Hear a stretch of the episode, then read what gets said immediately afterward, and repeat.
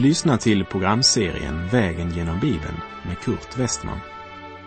Programmet sänds av Transworld Radio och produceras av Norea Radio Sverige. Vi befinner oss nu i Hebreerbrevet. Slå gärna upp din bibel och följ med. Vi avslutade förra programmet med att säga att den som står som arvtagare till ett testamente får inte ut arvet förrän den som skrivit testamentet är död. Och han som har lovat dig sitt arv, han har dött. Så nu kan du få ut arvet. Allt vad Kristus äger och har är ditt, här och nu. Och som en pant på arvet ger han den utlovade helige Ande. Och vi avslutade med att citera vad gamla Kromacher sagt om kraften i Lammets blod. Därmed så har vi kommit till Hebreerbrevet 9, vers 18. Men för sammanhangets skull repeterar vi också nu de två tidigare verserna. Hebreerbrevet 9, vers 16 till och med 18. Där det finns ett testamente måste det tillkännages att den som har upprättat det är död. Först när han dör blir testamentet giltigt. Det träder inte i kraft så länge han lever. Därför har inte heller det första förbundet instiftats utan blod. Den offergudstjänst som Gud gav genom Mose kännetecknades av att blodet först blev offrat och därefter stänktes detta blod på allt som behövde renas och invigas till Gud. Budskapet var att utan att blod utgjutes ges ingen förlåtelse. Därför har inte heller det första förbundet instiftats utan blod. Vi läser Hebreerbrevet 9, verserna 19 till och med 22. När Mose hade förkunnat alla lagens bud för hela folket tog han blodet från kalvar och bockar tillsammans med vatten, scharlakansröd ull och isop och stänkte på själva bokrullen och på allt folket. Han sade, detta är förbundets blod, det förbund som Gud har befallt er att hålla. På samma sätt stänkte Mose blod på tabernaklet och på alla föremål som hörde till gudstjänsten. Så renas enligt lagen nästan allt med blod och utan att blod utgjutes ges ingen förlåtelse. I verserna 18 till och med 22 återkommer ordet blod sex gånger vilket tydligt talar om blodets kraft i det gammaltestamentliga ritualet. Utan att blod utgjuts ges ingen förlåtelse. Det är det centrum omkring vilket den gammaltestamentliga gudstjänsten vilar. Och den gammaltestamentliga gudstjänsten är en skugga av det som sedan skulle komma så uppenbarar det att blodet står mycket centralt också i det nya förbundet. En sångförfattare uttrycker det så här. Vill du från syndernas börda bli fri, i blodet finns kraft, frälsande kraft. Vill du förlossad och på nytt född bli, i blodet finns underbar kraft. Det finns kraft kraft mäktig underbar uti Guds lammets blod. Det finns kraft, kraft mäktig underbar uti lammets dyra blod. Vi läser Hebreerbrevet 9, verserna 23 och 24. Alltså måste avbilderna av de himmelska tingen renas med dessa medel men de himmelska tingen själva renas med bättre offer än de medlen. Ty Kristus gick inte in i en helgedom som är gjord med händer och som bara är en bild av den verkliga helgedomen. Han gick in i själva himlen för att nu träda fram inför Guds ansikte för vår skull. Blodet från bockar och kalvar har aldrig varit i himlen och ska heller aldrig dit in. Men Kristi blod är i himlen.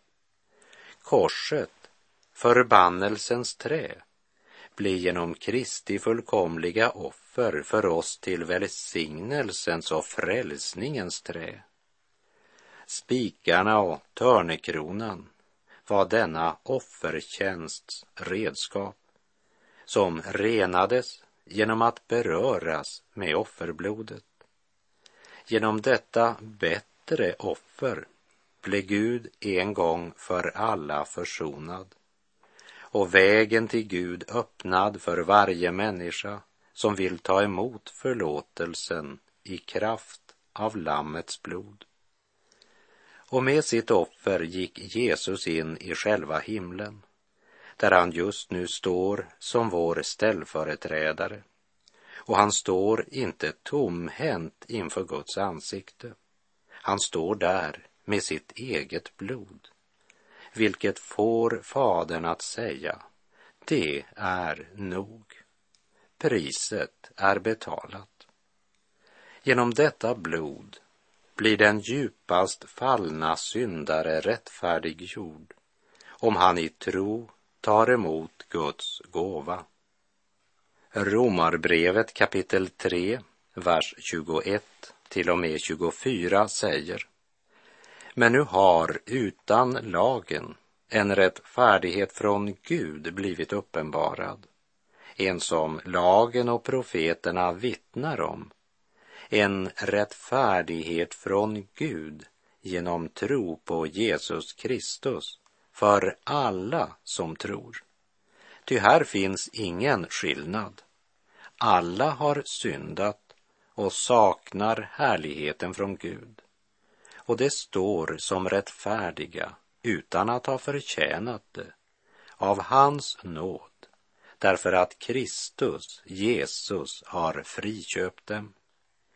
Den norska bibelläraren Öyvind Andersen, som är hemma hos Herren sedan många år, han gav följande förklaring av ordet rättfärdiggöra. Ordet rättfärdiggöra kommer ifrån rättsspråket, ett juridiskt uttryck. Det betyder att bli erkänd, räknad, ansedd för att vara rättfärdig. Det används om en juridisk rättslig dom och betyder fullkomligt frifunnen, helt oskyldig. Rättfärdiggöra är något mycket mera och helt annorlunda än benåda. Vi tänker då på ordet benåda i dess rent mänskliga betydelse. En förbrytare som blivit benådad, han blir fritagen från ytterligare straff. Men ingen rättsinstans kan rättfärdiggöra honom. De kan inte framställa förbrytaren frikänd från det som han bevisligen har gjort. Men just det är det Gud gör med oss i Kristus. Han frikänner oss helt och fullständigt från de synder vi har gjort, från det ögonblick vi börjar tro på Jesus. Romarbrevet 8.33 säger vem kan anklaga Guds utvalda? Gud är den som frikänner. Gud tar inte emot anklagelser mot den som är rättfärdiggjord. Det säger mera än något annat vad rättfärdiggörelsen innebär.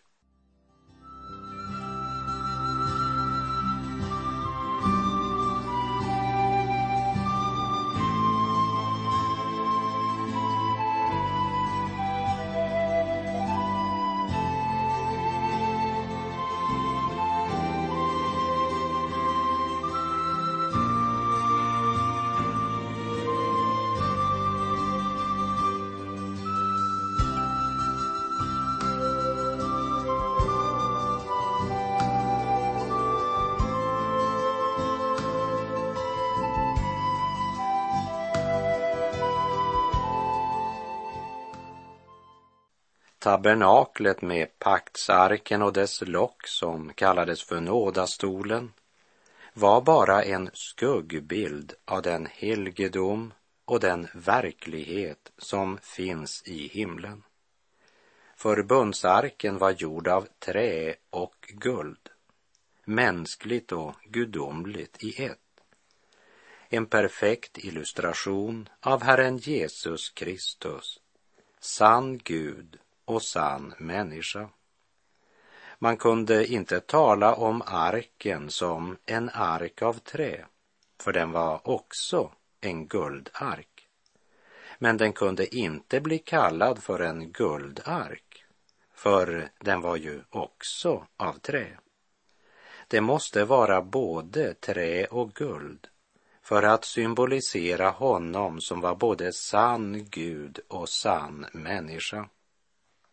Men över denna ark låg locket som kallades nådastolen eller soningslocket.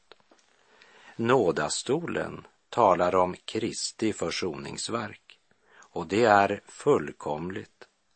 Därför är inte nådastolen av trä och guld utan endast av guld.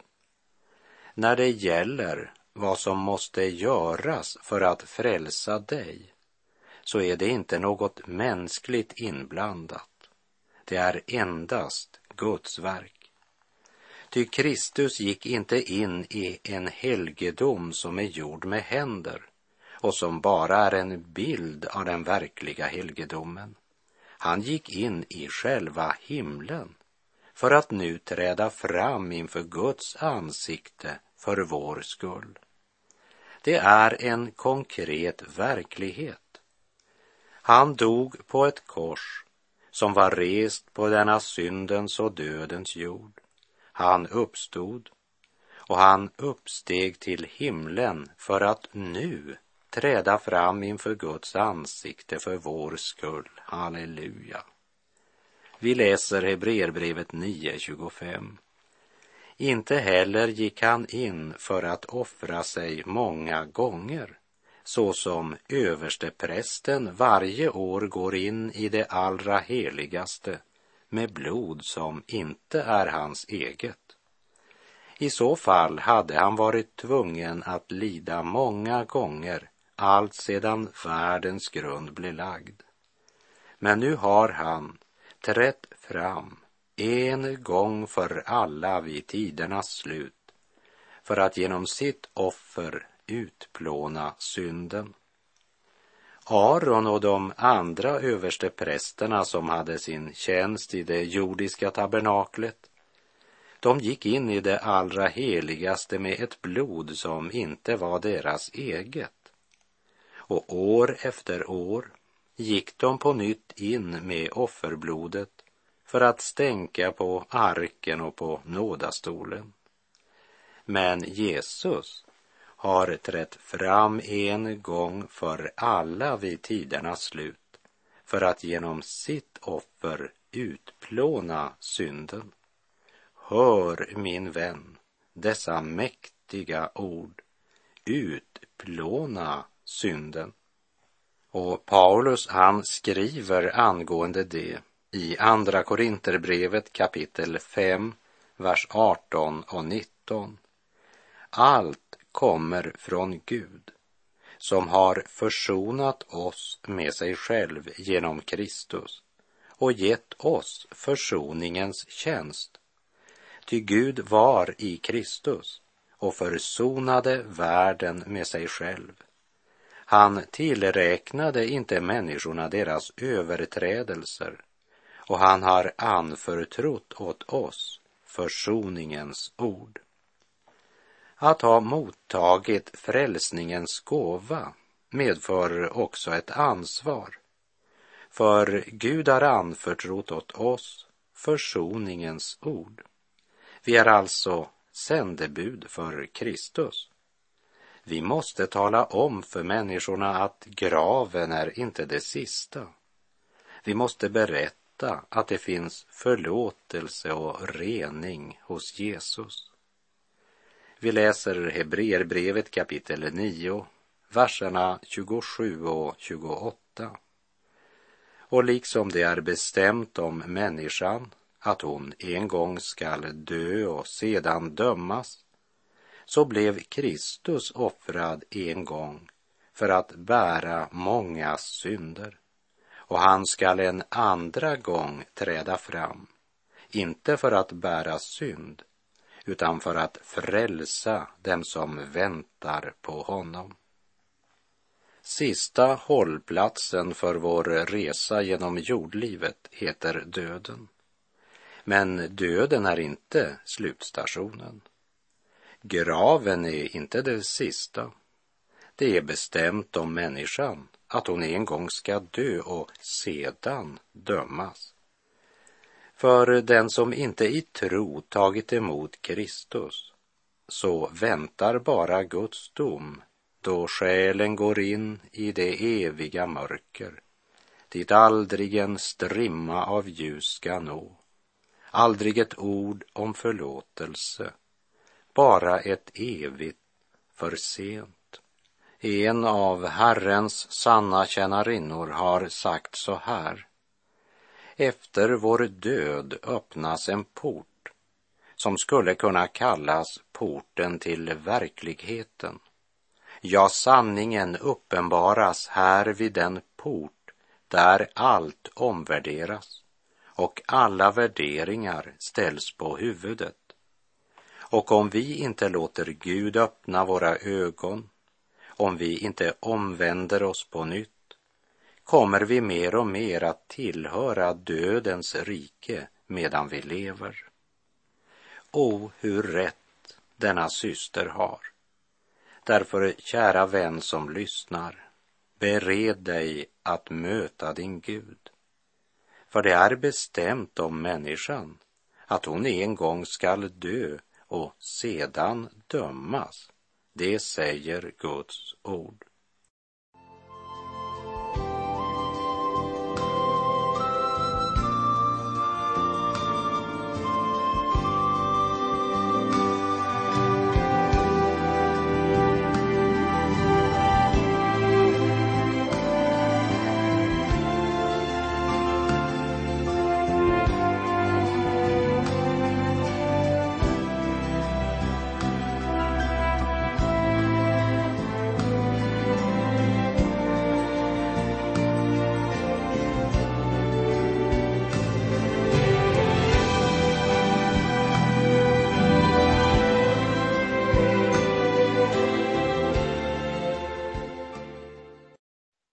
Det är bestämt om människan att hon en gång skall dö och Gud vare lov för det.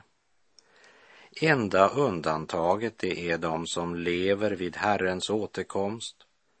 Till de troende i Korint skrev Paulus i Första Korinthierbrevet 15, verserna 51 till och med 54. Se, jag säger er en hemlighet. Vi ska inte alla insomna, men vi skall alla förvandlas i ett nu på ett ögonblick vid den sista basunens ljud. Ty basunen skall ljuda och de döda skall uppstå odödliga och vi skall förvandlas. Ty detta förgängliga måste kläs i oförgänglighet och detta dödliga kläs i odödlighet. Och när detta förgängliga har klätts i oförgänglighet och detta dödliga klätts i odödlighet, då ska det ord fullbordas som står skrivet. Döden är uppslukad och segern vunnen. Människan ska stå till svars inför Gud och det gäller alla människor. De som tror på Gud och de som förnekar honom vare sig hon är frälst eller förlorad, ska hon till sist möta Gud. Och att människan måste dö och att Gud inte låter människan leva evigt i sin synd, det är en underbar välsignelse. Och vid uppståndelsens morgon ska Gud torka alla tårar från våra ögon Döden ska inte finnas mer och ingen sorg och ingen gråt och ingen plåga. Ty det som förr var är borta, skriver aposteln Johannes i Uppenbarelsebokens 21 kapitel och fjärde vers. Och i Första Korinthierbrevet 15 läser vi verserna 42 till med 44. Så är det också med de dödas uppståndelse. Det som sås förgängligt uppstår oförgängligt. Det som sås i vanära uppstår i härlighet. Det som sås i svaghet uppstår i kraft. Det sås en jordisk kropp. Det uppstår en andlig kropp. När det sägs att det uppstår en andlig kropp betyder det inte att vi endast uppstår andligt, men det betyder att vi uppstår utan synd. Vi är vår frälsare lik. I Lukas 24 så berättas hur Jesus efter uppståndelsen uppenbarar sig för sina lärjungar medan de sitter och pratar om vad de här lärjungarna från Emmaus hade berättat. Och medan de pratar om det så står Jesus själv plötsligt mitt ibland dem. Och så står det i Lukas 24, vers 37. Uppskakade och förskräckta trodde de att de såg en ande. Och lägg nu noga märke till vad skriften vittnar i Lukas kapitel 24, verserna 38 till och med 40. Men Jesus sade till dem, varför är ni så förskräckta och varför stiger det upp tvivel i era hjärtan? Se på mina händer och mina fötter att det verkligen är jag. Rör vid mig och se. En ande har inte kött och ben som ni ser att jag har. När han hade sagt detta visade han dem sina händer och sina fötter. Jesus är uppstånden. Han är förhärligad, men han är fortfarande sann människa med en förhärligad kropp, inte bara ande. Detta är en viktig del av uppståndelsetron. Det som sås i förgänglighet uppstår oförgängligt. Det som sås i vanära uppstår i härlighet. Det som sås i svaghet uppstår i kraft. När Guds ord säger att vi blir rättfärdiggjorda genom tron så betyder det inte att tron i sig själv rättfärdiggör. Inför Gud är vi rättfärdiga genom Jesu Kristi blod. I Romarbrevet 5.9 skriver Paulus när vi nu står som rättfärdiga genom hans blod, hur mycket säkrare ska vi då inte genom honom bli frälsta från vredesdomen? Och här repeterar vi de två sista verserna i Hebreerbrevets nionde kapitel. Och liksom det är bestämt om människan att hon en gång skall dö och sedan dömas, så blev Kristus offrad en gång för att bära mångas synder, och han skall en andra gång träda fram, inte för att bära synd, utan för att frälsa dem som väntar på honom. Kristus var lydig till döden och hans försoningsdöd på korset, det skedde en gång för alla, när han dog för att försona dina och mina synder. Men endast den som tror på honom som sin ställföreträdare och förlossare äger denna förlåtelse och rening. Och Jesus som första gången kom i förnedring, han ska en andra gång träda fram, inte för att bära synd, utan för att frälsa dem som väntar på honom. Lägg märke till de orden. De som väntar på honom. Tillhör du den skaran som väntar väntar på Jesu återkomst. När han kommer för att frälsa dem som väntar på honom, då kommer han som domare och konung i ära, makt och härlighet. I Uppenbarelsebokens första kapitel skriver Johannes, se han kommer med molnen och varje öga ska se honom, även det som har genomborrat honom.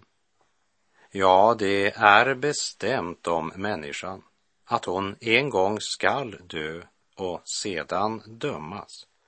Men texten slutar inte där.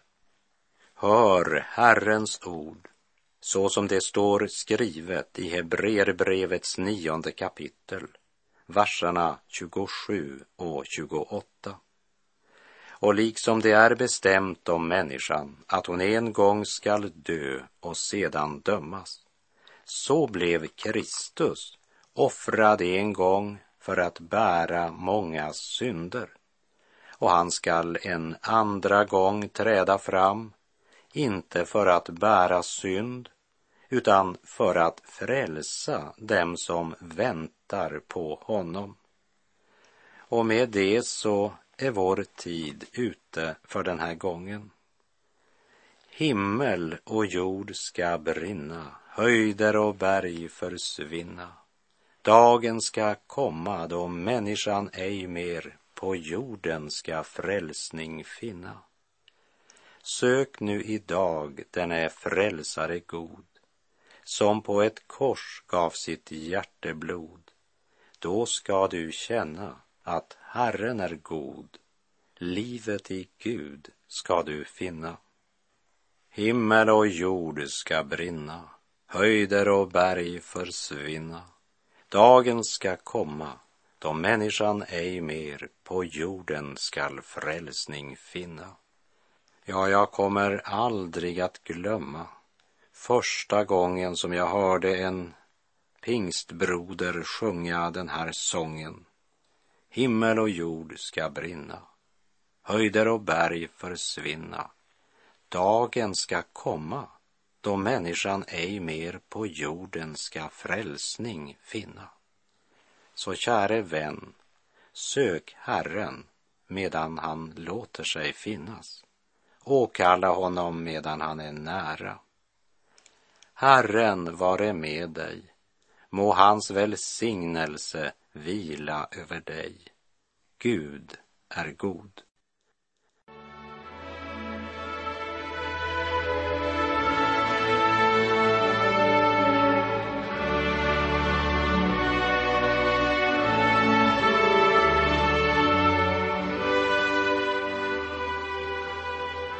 Du har lyssnat till programserien Vägen genom Bibeln med Kurt Westman som sänds av Transworld Radio.